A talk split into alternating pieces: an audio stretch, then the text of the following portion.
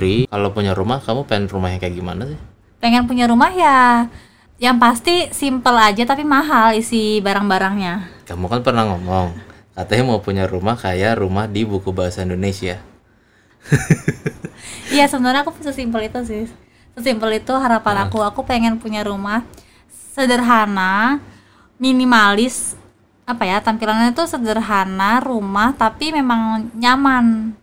Mm-mm. Nyaman untuk kita tempati nyaman ketika eh, sedang sibuk bekerja capek bekerja tapi kita punya tempat untuk kembali bercerita. Tempat yang juga rapi bersih asri harmonis di dalamnya. Jadi punya rumah tuh menurut aku bukan hanya membangun bangunannya pondasinya tapi di dalamnya tuh kita juga harus mengcreate dan menciptakan. Hmm. Gitu ngerti gak sih kamu ngomong aku ngomong apa? Aku paham. Nah ini nih hal-hal yang kayak gini nih kayak ini sudah malam di recordnya. Udah nggak sanggup lagi untuk menerjemahkan kata-kata di pikiran di otak untuk jadi bahasa yang sederhana. Biasanya memang kepala keluarga saya yang yang merumuskan itu dalam bahasa yang lebih sederhana. Mm-mm. Terus yang kayak kayak gimana tuh kayak gininya Ah, aku- di di aku- imagine dong digambarin Nih, aku tuh lebih aku entah kenapa aku suka banget eh, rumah itu konsep alam. Kayak kayak gini kalau sekarang tuh eh, lagi zaman yang kemarin Chef Renata satu satu bangunan tok kan Ya, tapi satu- halamannya tapi halaman luas. luas banget kan. Nah makanya kayak di rumah bahasa Indonesia kan yang kamu pernah tahu kan Nah, tinggal di halamannya itu kita susun lagi yang lebih indah eh tapi kalau rumah bahasa Indonesia itu pernah kepikiran gak sih kalau misalnya rumah bahasa Indonesia itu semua semua itu rumah dinas? Iya gak sih? Ru- Rumah-rumah rumah PNS PNS gitu.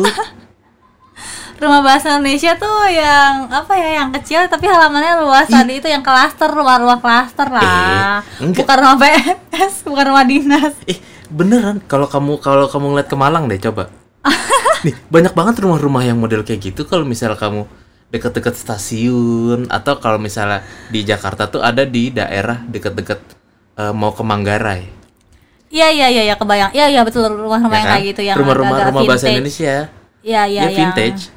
ya betul betul yang sederhana tampaknya nggak tingkat Mm-mm. nggak tingkat nggak bertumpuk-tumpuk tapi memang kelihatannya tuh adem ayem aja Iya, gitu kan benar. Apalagi kalau banyak banget tuh rumah-rumah kayak di Bandung. nah iya Nah, ya di- di nah kayak gitu. rumahnya si Milea tahu gak sih film Dilan Milea tahu gak sih iya, iya aku tahu. iya, kayak gitu. Tapi kan sebenarnya bagi orang kayak Milea terus kamu tahu gak sih nonton preman pensiun gak? Enggak tahu, enggak. Aku nonton TV. Aku tidak nonton TV. Enggak, preman pensiun itu rumahnya Kang Bahar. Ada. Enggak tahu.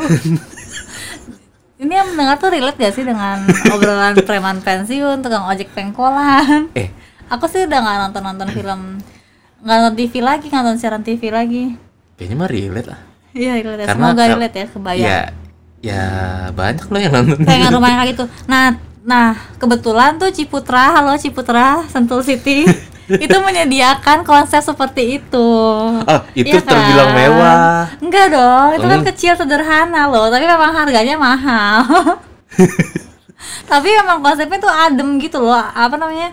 eh yang rumahnya kecil aja, rumahnya kecil tapi tertata dengan rapih. Iya, kalau di sana kan lebih ke arah yang memang udah klaster tanpa pagar Mm-mm. dan juga bangunannya kan emang udah udah bagus, udah Iya, udah udah iya, modern, iya. tapi tapi bukan ke arah vintage kalau di sana, Oh, enggak, lebih ke modernnya. Enggak, enggak. Sebenarnya sih ya, yang aku tuh kalau untuk konsep rumah itu belum kepikiran detailnya seperti apa sih. Hmm. Cuman nih kalau di bayangan aku adalah ya rumah rumah untuk kita tempati itu tidak harus yang mewah, tidak harus yang besar banget, enggak, tapi memang kita buatnya itu pertama adalah hasil jerih payah kita sendiri nih Hmm. tanpa bantuan eh, orang tua, tanpa subsidi dari orang tua. Jadi benar-benar itu itu hasil kerja keras sendiri gitu.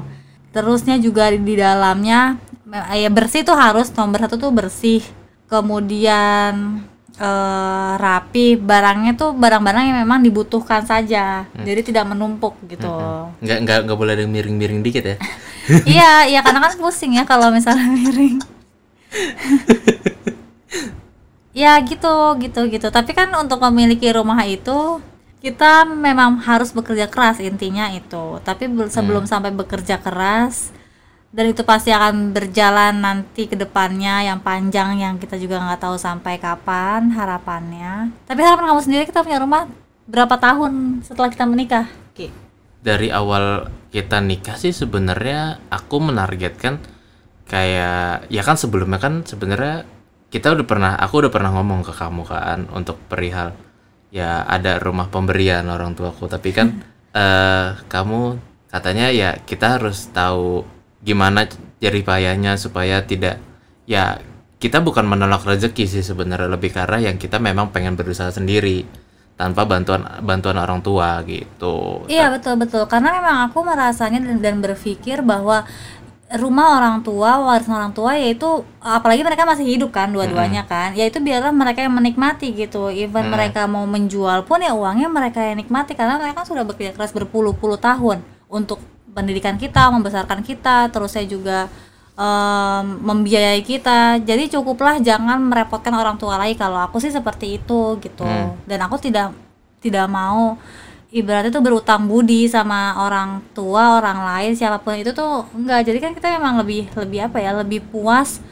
untuk menikmati hasil memang dari jerih payah kita sendiri gitu ya. Apalagi kamu kan kepala keluarga kamu eh, pasti kamu memiliki juga cita-cita sendiri untuk keluarga saya mau dibawa ke mana ya? Keluarga saya mau ditempatkan tinggal di seperti apa ya? Itu kan memang seru gitu. Seru ketika kita di rumah tangga memang memikirkan hal itu tuh memang kita berdua yang memutuskan gitu loh ya. Mm-mm. bukan dari campur tangan atau intervensi dari pihak mana pun gitu. Even kalaupun mau membuat keputusan itu kita sendiri yang yang buat. Dan kamu yang memutuskan sebagai kepala keluarga dengan Hmm. diskusi dari aku gitu.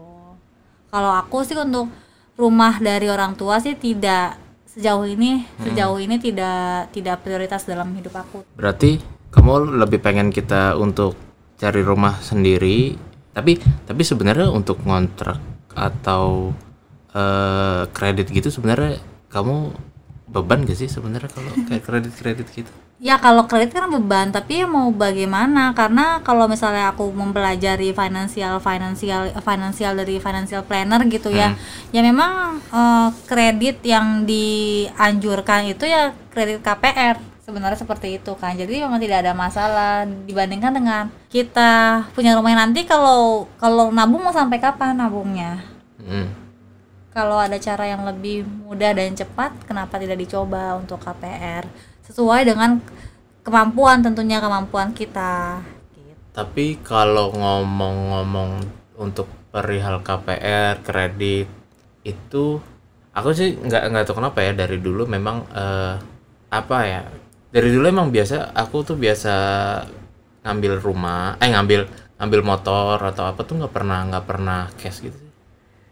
Ya nggak apa-apa juga sih selama selama kamu bisa Ya, tapi kayak- bayar setiap bulannya oke aja kan Enggak kayak dulu tuh pernah pernah ngambil motor terus habis itu eh pernah kan kayak bebas bebas dari kredit gitu terus ya duitnya jadi hilang kema nggak tahu ke mana gitu Nah itu Ki justru itu Ki kita tuh kita bekerja keras tapi kita punya tujuan yang konkret gitu. Kita bekerja untuk apa?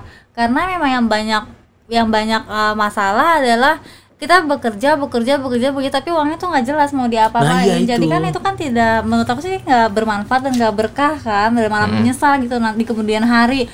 Dulu gue punya duit tapi kok nggak jadi apa-apa ya nggak jadi barang ya belinya hanya barang-barang konsumtif gitu Mm-mm.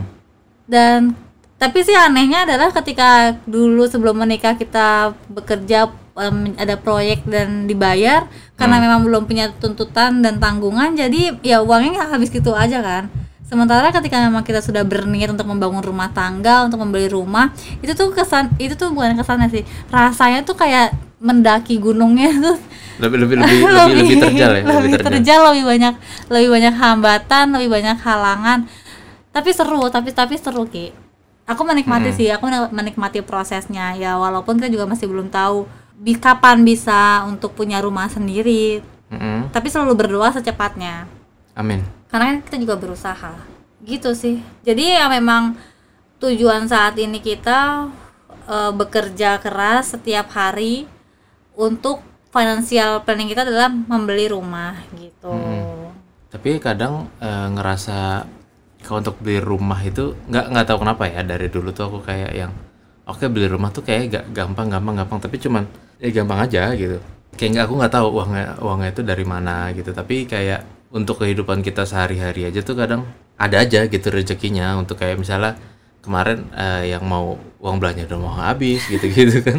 Tapi tapi ada aja rezekinya. Aku juga nggak tahu. Maksudnya mungkin Iya cukup cukup aja Ah. kan. ya mungkin ini memang ya kata kalau kata teman-temanku sih ya maksudnya ketika kita menikah itu kita itu sebenarnya dibuka bener-bener kayak ngebuka kunci rezeki gitu. Amin amin amin. Iya cukup cukup aja alhamdulillah.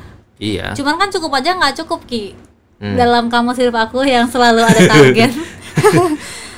Cukup aja tidak cukup. Heeh. harus ada progres dan lebih baik lagi. Oke kita cukup bersyukur alhamdulillah. Tapi apalagi ya nextnya ya. Hmm. gitu karena kalau aku sendiri terbiasa untuk punya target dalam hidup walaupun memang gampang stres kalau nggak tercapai tapi ya hid- ya itu yang membuat hidup tuh semakin lebih seru